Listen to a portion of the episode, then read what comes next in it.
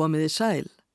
Hér á undan söng Marta Guðrún Haldósdóttir lægið Nú fór illa móðir mín, Íslensk þjóðlag í útsetningu eftir Hildikunni Rúnarsdóttur. Örd Magnússon leik með á piano. Hvæðið sem hér var sungið er eftir Jónas Hallgrímsson og hefur titilinn Yllur lækur eða Heimasetan. Jónas orti hvæðið árið 1844 og byrtist það í tímaritinu fjölni það ár. Reyndar tók Jónas fram í fjölni að hvæðið væri ekki frumort, heldur hveðið eftir þjóðkunnu spánsku hvæði eins og hann orðaði það. Við skulum nú heyra hvæði Jónasar lesið. Lækur rennur í lautu, liggur og til þín sér, alltaf eftir leiðis, ekki skal gá að mér. Nú fór illa móður mín, Mér var það samt ekki að kenna. Sástu litla lækin renna, græna laut að gamni sín, breyka þar sem brekkand vín, bylla þar og hossa sér. Vertu óhætt, eftirleiðis ekki skal gáað mér. Lækur gott í lautu á, leikur undir sólarbrekkum, faðmar hann á ferli þekkum, fjóla gul og rauð og blá, einni þeirra ég vil ná og svo skvettir hann á mig. Íllurlækur, eftir leiðis ek skal muna þig. Klukkan mín svo kvít og hrein, hún er nú all votað neðan, hefðiru þá hyrt og séðan hvernig ertnin úr honum skein. Ég hef orðið ögn of sein og svo skvetti hann á mig. Íllurlækur, eftir leiðis ek skal muna þig. Lækur fer um lautardrag, leikur sér að væta meina, þá hún stýgur þar á steina, það er fallegt háttalag. Ég fyrir ekkert út í dag, unni móður góð hjá þér. Vertu órætt eftir leiðis, ekki skal gáað mér. Til eru fleiri lög við kvæðið en þjóðlægið, því nokkur tónskáld hafa sami lag við ljóðið. Við skulum nú heyra lag eftir Áskjell Snorrason, norrlenskan tónsmið sem fættist 1888 og dó 1970. Nú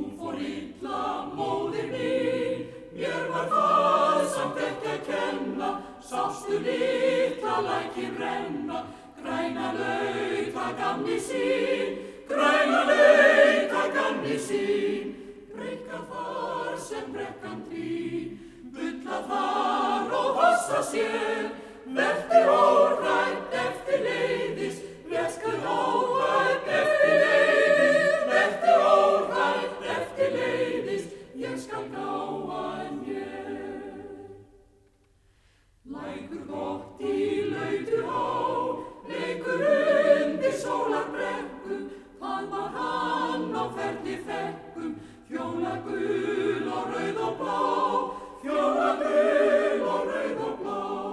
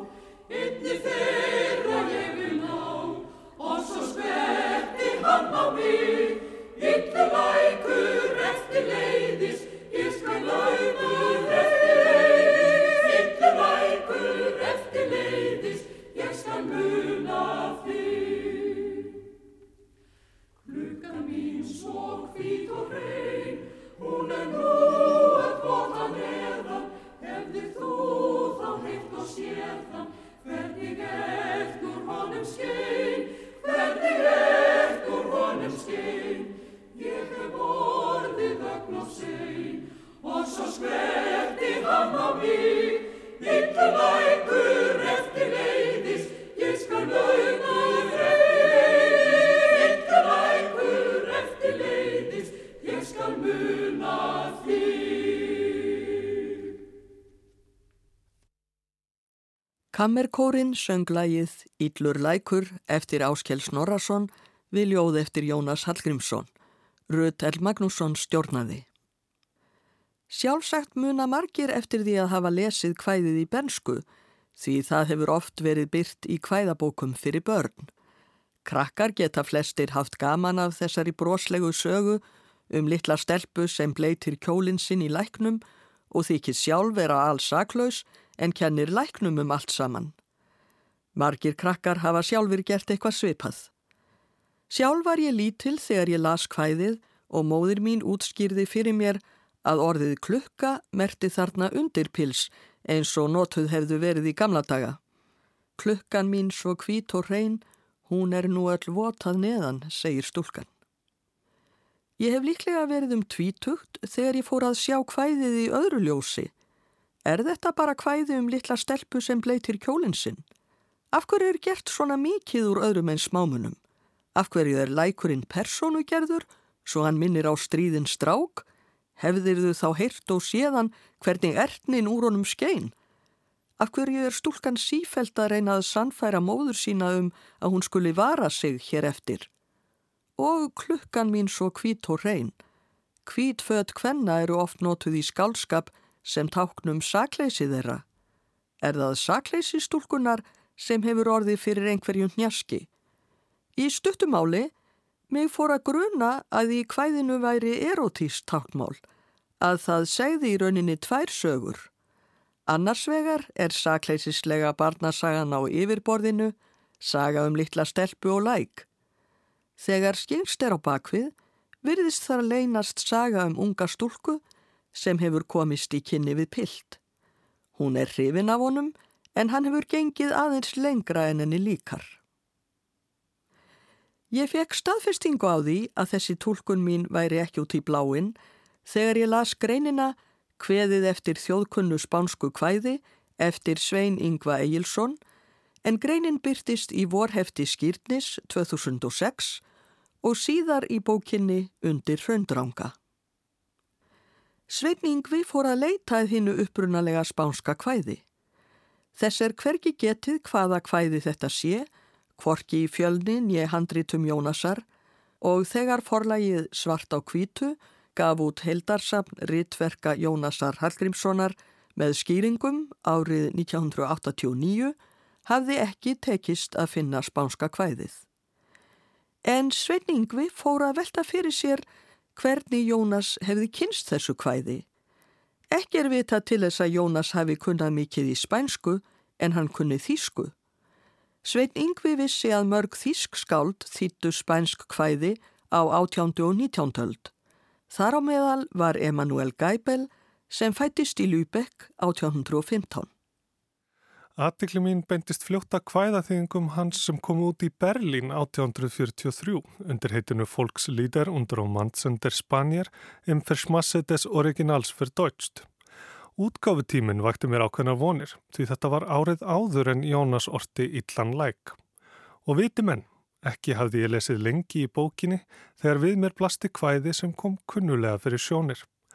Gæbel númerar kvæðin og þetta var hið fymta í rauðinni. Svein Yngvi byrtir síðan kvæðið á þýsku. Það hefst á orðunum Sjöymend Flosterbach und Spritzte og er bragarhátturinn nákvæmlega sá sami og hjá Jónasi og efni kvæðana nauða líkt.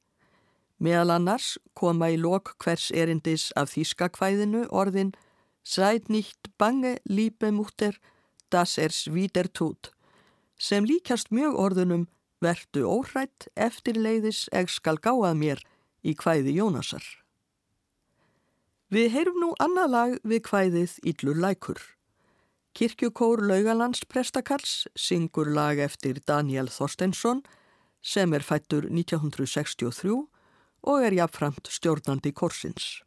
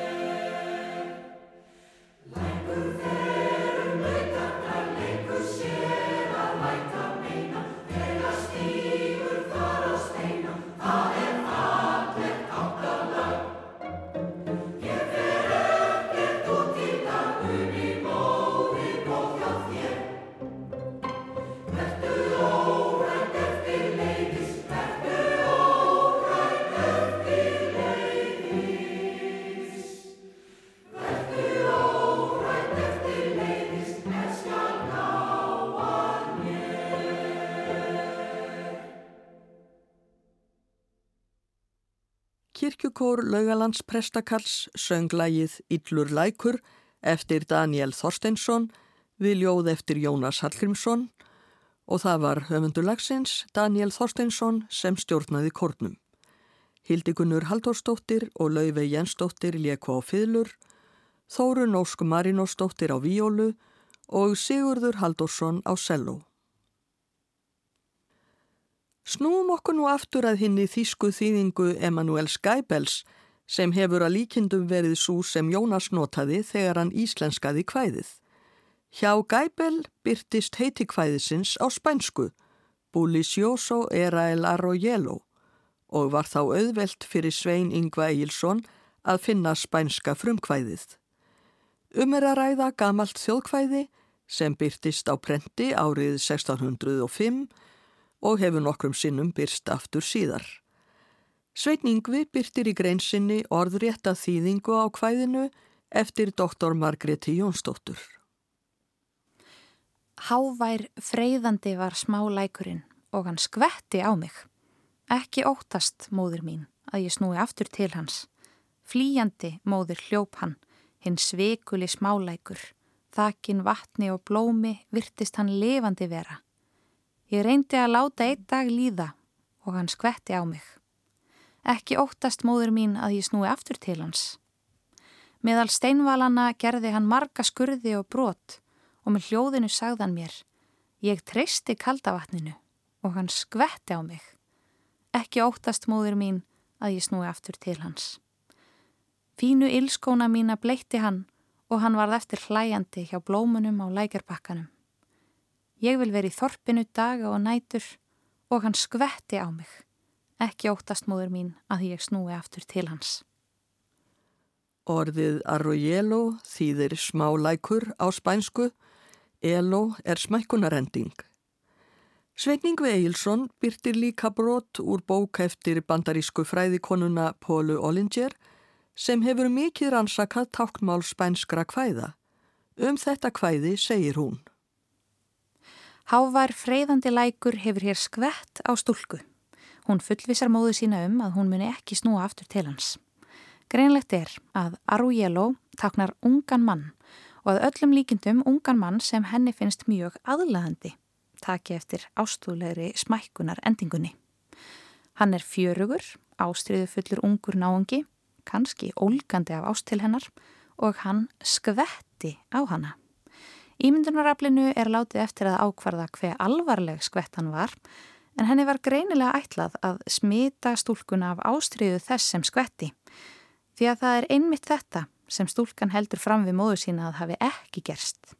Hún fullir þér að minnstakosti að hún muni ekki snúa aftur til mannsins þó að tjáningarháttur hennar sínir hrifningu og gleði. Þá tekur Svenning við fram að í spænskum ljóðasöfnum sé hvæðið jafnan haft meðal ástakvæða. Það er því ljóst að grunur minn reyndist réttur. Enda þótt hægt sé að skilja hvæði Jónasar sem barnakvæði er merkingin tvíræð undir niðri fjallaljóðið um ástamál. Svegningvi gerir samanburð á spænska frumtekstanum Þískri þýðingu Gæbels og hinni íslensku gerð Jónasar og kemur þar ímislegt skemmtilegt í ljós.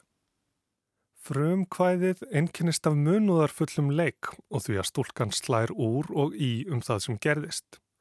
Hún segir að lækurinn hafi bleitt fínu ílskóna sína, lami pulida servia mojada meladejo. Orðið servia var notað um letaskó með þunnum botni. Fínir ílskór verða að hreitni og kvítri svundu hjá gæbel, mæni sjötse fæn und væs. Svundan verður að undirpilsi hjá Jónasi. Klukkan mín svo hvít og hrein. Lækurinn verður því nærgungulli sem norðar dregur. Færir sig frá skófatnaði upp í hlýfðarfött og endar undir pilsinu. Þetta er eins og góð kjáftasaga sem verður æg meira krassandi eftir því sem hún berst víðar. Skórnir blotna í spænska kvæðinu án frekari útskýringa. Enda eru orsakir og afleiðingar oft óljósar í þjóðkvæðum. Hlutirnir bara gerast og um það er ekkert meira að segja. Gæbel lætur stúlkuna reyna að ganga yfir lækin og það er þá sem hún blotnar. Í hvæði Jónasar ætlar stúlkan að týna blóm handan lækjar, en lækurinn notar þá tækifærið og skvettir á hana. Leikur sér að væta meina þá hún stýgur þar á steina. Blómatýnsluminnið er því frá Jónasi komið og hann þróar það enn frekar í kvæðinu. Sveitningvi bendir síðan á það að Jónas tekur skýrt fram hvaða blóm það er sem stúlkan ætlar að týna. Það er fjóla, gul og rauð og blá. Og allt í einu gægist náttúrufræðingurinn í Jónasi fram því Jónas setur neðanmálskrein í fjölni með hinnu latneska heiti blómsins, viola trikolor, þrenningargras. Sveini yngva þykir ekki ólíklegt að Jónas hafi haft það í huga að samkvæmt grískri og rómverskri goðafræði var þrenningarfjólan, viola trikolor, ástarblóm og tengdist ástarguðnum, erosi eða amor. Að sjálfsögðu er ekkert því til fyrirstöðu að halda áfram að byrta ljóðið í vísnabókum fyrir börn. Börnin skilja hvæðið samkvæmt orðana hljóðan sem sögu um litla stelpu, en ef áhugið þeirra helst á ljóðum Jónasar þegar þau vaksta úr grasi, er líklegt að þau uppgötvi hinn að tvíræðu merkingu ljóðsins.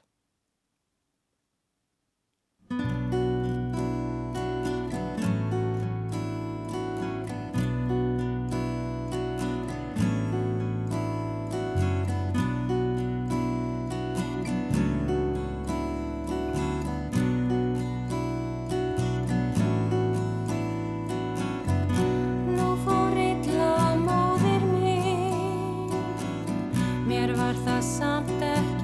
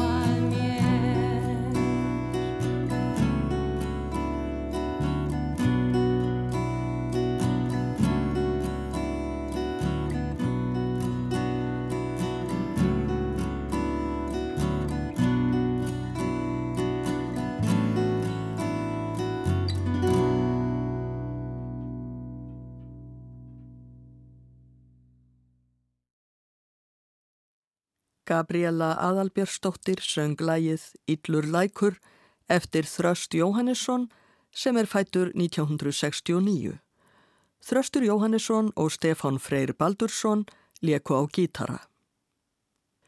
Hér hafa nú verið flutt fjögur lög við kvæðið Íllur lækur eftir Jónas Hallgrímsson. Við heyrum nú eitt lagi við bót en það lag er til í tveimur gerðum. Það hefur líklega verið árið 1993 sem ég rakst á spólu með söngkonunni Kristínu Einarstóttur í hljóðritarsafni Ríkisútvarsins. Þetta var afritun af lakkplötum. Á spólunni var meðal annars hljóðritun með lagi sem hétt Íllur lækur og var höfundur lagsins sagður Alli Heimir Svensson. Þegar ég skoðaði frekari heimildir sá ég að Kristín Einarstóttir og Karl Billich höfðu flutt lagið í útvarp 28. november 1954 og Alli Heimir einnig nefndur sem höfundur í dagskrá útvarsins fyrir þann dag. Þar sem Alli fættist 1938 gat hann ekki hafa verið eldri en 16 ára þegar hann samt í lægið. Ég vildi vera vissum að upplýsingarnar væru réttar og forvittnaðist því um það hjá Alla hvort hann hefði samið þetta lag. Jú, Alli sæðist hafa samið lægið en hafði ekki háar hugmyndir um ágæti þess. Sæði að sér hefði farið mikið fram síðan.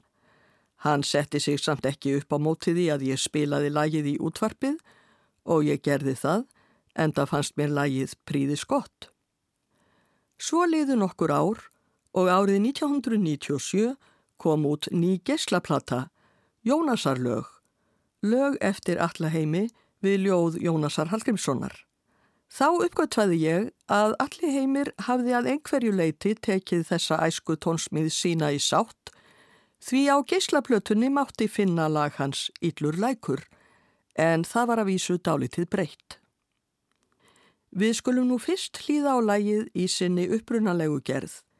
Kristín Einarstóttir syngur lagið Íllur lækur eftir Allaheimi Svensson og Karl Billich leikur með á piano hljóðritun frá 1954.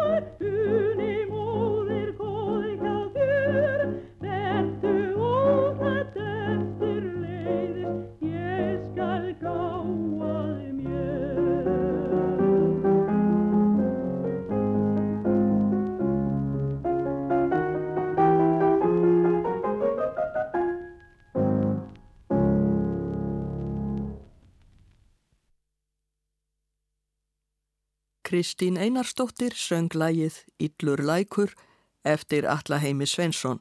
Karl Billig leik með á piano, hljóðritun frá 1954. Þá skulum við heyra lægið eins og það hljómar með nokkrum breytingum á hljómdiskinum Jónasarlög sem kom út 1997. Signi Sæmundsdóttir syngur.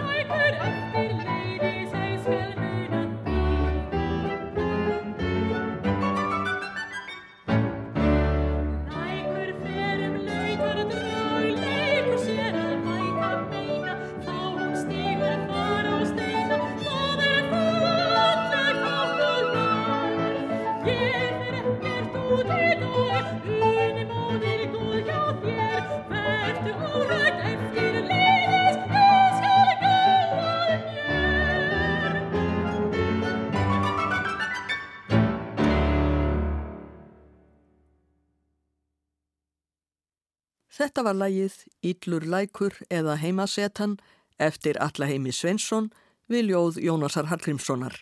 Signi Sæmundsdóttir söng, Sigurlaug Eðvaldsdóttir leik á fyrlu, Anna Guðni Guðmundsdóttir á piano, Sigurður Yngvi Snorarsson á klarinett og Hávarður Tryggvarsson á kontrabassa. Hljóritunnin er af geyslaplötunni Jónasarlög sem kom út 1997. Hvor gerði lagsins er nú betri frá 1954 eða frá 1997? Um það geta verið skiptar skoðanir. Í fyrrigerðinni hefur lægið svo litla ángurværð fólna í sér. Í setnigerðinni er hraðin og léttleikin meiri. Þar með hveðjum við ljóðið Íllur lækur en ekki Jónas Hallgrímsson.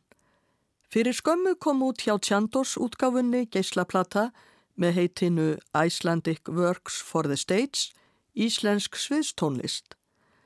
Á hljómdiskinum eru flutt ballettverkin Eldur og Ólafur Liljurós eftir Jórunni Viðar og sviðstónlistin Veislan á Sólhaugum og úr myndabók Jónasar Hallgrímssonar eftir Pál Ísólsson.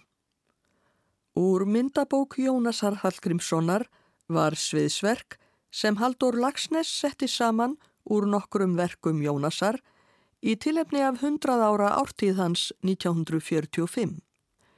Meðal annars var notuð sagan Grasaferð, gaman bref Jónasar um heimsokk drottningarinnar á Englandi til drottningarinnar í Fraklandi, hvæðin Kossavísur og sáði hana sýstur mína og sagan Stúlkan í turninum.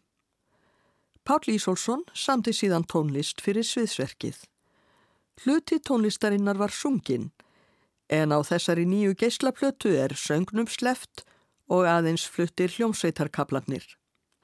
Hér verður nú flutt tónsmíð Páls Ísólfssonar úr myndabók Jónasar Hallgrímssonar eins og hún hljómar á geyslaplötunni. Þættirnir eru sextalsins, forspil, mars, menuett, þjóðlag, Vikivaki 1 og Vikivaki 2. Symfoníu hljómsveit Íslands leikur, stjórnandi er Rúmon Gamba.